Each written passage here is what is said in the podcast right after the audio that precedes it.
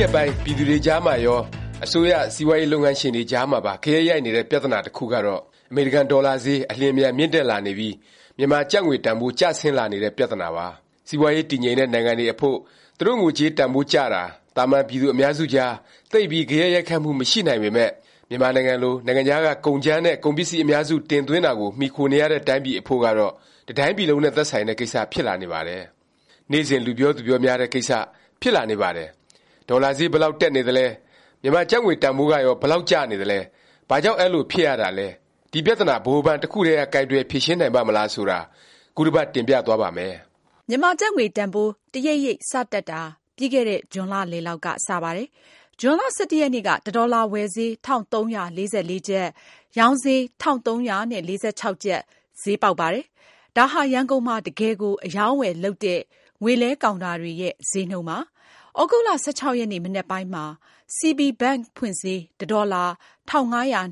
၃ ကနေ ၁၅၃၃ ကျပ်နှုန်း ဖြစ်သွားတာမို့ ဒေါ်လာနဲ့ နှိုင်းယှဉ်ရင် မြန်မာကျပ်ငွေတန်ဘိုးဟာ ၂ လကျော်အတွင်း ၁၃ ရာခိုင်နှုန်းကျော် ကျဆင်းသွားတာ တွေ့ရပါတယ်။၂ လကျော်ကာလအတွင်း ကျပ်ငွေတန်ဘိုး ဒီလောက် ကျဆင်းတယ်ဆိုတာ များတယ်လို့ ဆိုနိုင်ပါတယ်။ မှတ်တမ်းတွေကို ပြန်ကြည့်ပြီး တွက်ချက်ကြည့်ရင် အဲဒီကာလအတွင်း မြန်မာကျပ်ငွေတန်ဘိုးဟာ စင်္ကာပူဒေါ်လာနဲ့ဆို၇ရာခိုင်နှုန်း၊ယူရိုငွေနဲ့ဆို၆ရာခိုင်နှုန်း၊ထိုင်းဘတ်ငွေနဲ့ဆို၆ရာခိုင်နှုန်း၊မလေးရှားရင်းဂစ်နဲ့ဆို၅ရာခိုင်နှုန်းကျဆင်းပါတယ်။မြန်မာနိုင်ငံမှာ ဒေါ်လာငွေတန်ဘိုး တက်လာရတဲ့ ကိစ္စနဲ့ ပတ်သက်လို့ ဗဟိုဘဏ် တာဝန်ရှိသူတွေ၊စီးပွားရေးပညာရှင်တွေနဲ့ Sean Turnell လို ဒေါ်အောင်ဆန်းစုကြည်ရဲ့ စီးပွားရေးအကြံပေးကပါ ကမ္ဘာမှာ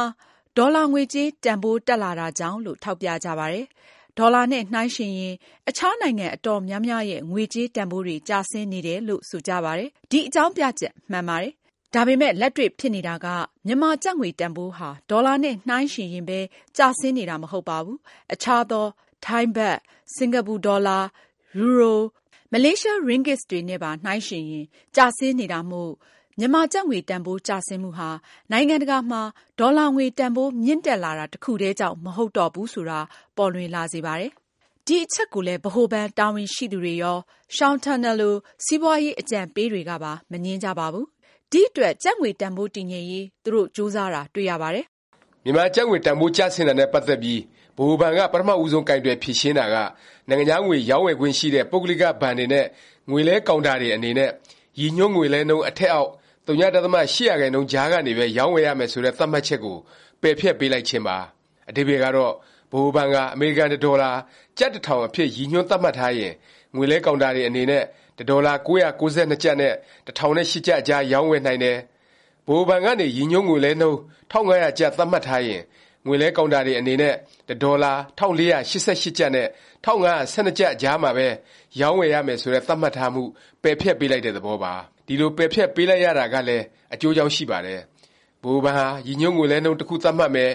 အဲဒီ ရည်ညွှန်း အထက်အောက် ခွင့်ပြုဘောင်ထဲကနေ ရောင်းဝယ်နိုင်ဖို့ ပုဂ္ဂလိက ဘဏ်တွေနဲ့ ငွေလဲကောင်တာတွေကို ငွေကြေးလေလံ ဈေးကွက်ကနေ ဒေါ်လာဖြစ်စေ၊အခြား နိုင်ငံခြားငွေဖြစ်စေ၊ကျပ်ငွေဖြစ်စေ လိုတာကို ရောင်းပေးမယ်လို့ ဆိုထားပါတယ်။ဒါပေမယ့် တကယ့်လက်တွေ့ ဖြစ်ခဲ့တာက ဗဟိုဘဏ် ရည်ညွှန်းငွေလဲနှုန်းဟာ ပြင်ပ ပေါက်ဈေးအထက် ရောက်နေရင် ပြသနာ မရှိပေမယ့် ပြင်ပငွေလဲနှုန်းအောက်ရောက်နေရင် ပုဂ္ဂလိကဘဏ်တွေနဲ့ ငွေလဲကောင်တာတွေက ဒေါ်လာလို နိုင်ငံခြားငွေကို ရည်ညွှန်းနှုန်းနဲ့ ဝယ်ယူလိုကြတာပါပဲ။တကယ်တန်း အဲလို ဝယ်ယူလိုတဲ့အခါ ဗဟိုဘဏ်က လိုသလောက် ရောင်းမပေးနိုင်တဲ့အတွက် လက်တွေ့မှာ အဲဒီစနစ် အလုပ်မဖြစ်တော့ပါဘူး။ပုဂ္ဂလိကဘဏ်တွေ၊ငွေလဲကောင်တာတွေဟာ ဗဟိုဘဏ်သတ်မှတ်ချက်ဘောင်ထဲကနေ အရောင်းအဝယ်လုပ်လို့ မရပါဘူးဆိုပြီး အကြောင်းပြကြပါတော့တယ်။ ဒီလိုနည်းနဲ့ ရည်ညွှန်းငွေဈေးနှုန်း၊အဲဒီဈေးနှုန်း အထက်အောက် ရာခိုင်နှုန်းတစ်ခုရဲ့ ဘောင်ထဲကနေ အရောင်းအဝယ်လုပ်ဖို့ ညွှန်ကြားချက် ဖျက်သိမ်းလိုက်ရဟန် တူပါတယ်။အဲဒီ သတ်မှတ်ချက် ပယ်ဖျက်ပေးလိုက်တဲ့အတွက် ငွေလဲလိုင်စင်ရ ပုဂ္ဂလိကဘဏ်တွေနဲ့ ငွေလဲကောင်တာတွေအနေနဲ့ ဈေးနှုန်းကို သတ်မှတ်ချင်သလို သတ်မှတ်၊ရောင်းဈေး ဝယ်ဈေး ခွာချင်သလောက်ခွာ၊တစ်ရက်တည်း ဈေးနှုန်းအပြောင်းအလဲ ဘယ်နှစ်ကြိမ်လုပ်လုပ် ခွင့်ပြုလိုက်တဲ့သဘော ဖြစ်သွားစေပါတယ်။အဲလို အခြေအနေတွေကြောင့် ဗဟိုဘဏ် သတ်မှတ်ချက် ပယ်ဖျက်ပေးပြီး နောက်ရက်တွေဖြစ်တဲ့ သြဂုတ်လ ၁၆ နဲ့ ၁၇ ရက်တွေမှာ နိုင်ငံခြားငွေကြေးဈေးကွက် မတည်မငြိမ် ကမောက်ကမ ဖြစ်တာ မြင်တွေ့ကြရပါတယ်။နောက်ဆက်တွဲ ဖြစ်လာနိုင်ခြေရှိတာက မြန်မာငွေကြေးတန်ဖိုး မတည်မငြိမ်ဖြစ်လာလေလေ လုပ်ငန်းရှင်တွေရော၊ပြည်သူလူထုတစ်ရပ်လုံးကပါ မြန်မာကျပ်ငွေကို ယုံကြည်မှု ပိုနည်းသထက်နည်းလာပြီး ကျပ်ငွေမကိုင်တော့ပဲ၊ဘဏ်ထဲမှာလည်း မထားတော့ပဲဒေါ်လာလို၊အခြားနိုင်ငံခြားငွေကြေးတစ်မျိုးမျိုးလို၊ရွှေလို တန်ဘိုးခိုင်မာတာတွေကို ဝယ်ယူစုဆောင်းလာကြတော့မယ့် အရေးပါပဲ။ ဒါမျိုး စစ်အစိုးရလက်ထက်တုန်းက နှစ်ပေါင်းများစွာ ဖြစ်ပျက်ခဲ့ဖူးပါတယ်။ဒီအတွက် လက်ရှိအင်န်အယ်လ်ဒီအစိုးရ လုပ်ရမယ့် တာဝန်က စီးပွားရေးသမားတွေနဲ့ ပြည်သူတွေ မြန်မာကျပ်ငွေကို ယုံကြည်မှုရှိလာအောင် လုပ်ဖို့ပါ။မြန်မာကျပ်ငွေကို ရှိသင့်ရှိထိုက်တဲ့ တန်ဘိုးတစ်ခုမှာ တည်တည်ငြိမ်ငြိမ်ရှိနေ၊အရောင်းအဝယ် အလှည့်အပတ် ဖြစ်နေဖို့ လိုပါတယ်။လက်ရှိ တစ်ကမ္ဘာလုံး ရင်ဆိုင်နေရတဲ့ ဒေါ်လာငွေတန်ဘိုး မြင့်တက်သလောက် မြန်မာကျပ်ငွေတန်ဘိုး ကျဆင်းသွားရတာမျိုး ပြသနာမရှိပေမယ့် အခြားအကြောင်းတွေကြောင့် တန်ဘိုး အများကြီး ကျမသွားအောင် လုပ်ကိုင်ဖို့ လိုပါတယ်။အစိုးရဘတ်ဂျက်လိုငွေ လျော့ချဖို့ လိုသလို၊ကုန်သွယ်ရေးမှာ လိုငွေ အများကြီး ပြနေတာကိုလည်း သင့်တော်သလို ထိန်းကျောင်းဖို့ လိုပါတယ်။ဗဟိုဘဏ်ဘက်ကတော့ ပုဂ္ဂလိက ဘဏ်တွေနဲ့ ငွေလဲကောင်တာတွေ အနေနဲ့ နိုင်ငံခြားငွေ လဲလှယ်ရေး လုပ်ငန်းကို ကောင်းကောင်းမွန်မွန် လုပ်လာအောင် နည်းနာရှာ ကြပ်မတ်တာမျိုး၊ငွေကြေးဈေးကစားသူတွေ ပြည်တွင်းကရော ပြည်ပကပါ ဝင်ရောက် ချယ်လှယ်တာမျိုး မလုပ်နိုင်အောင် ကာကွယ်တာမျိုး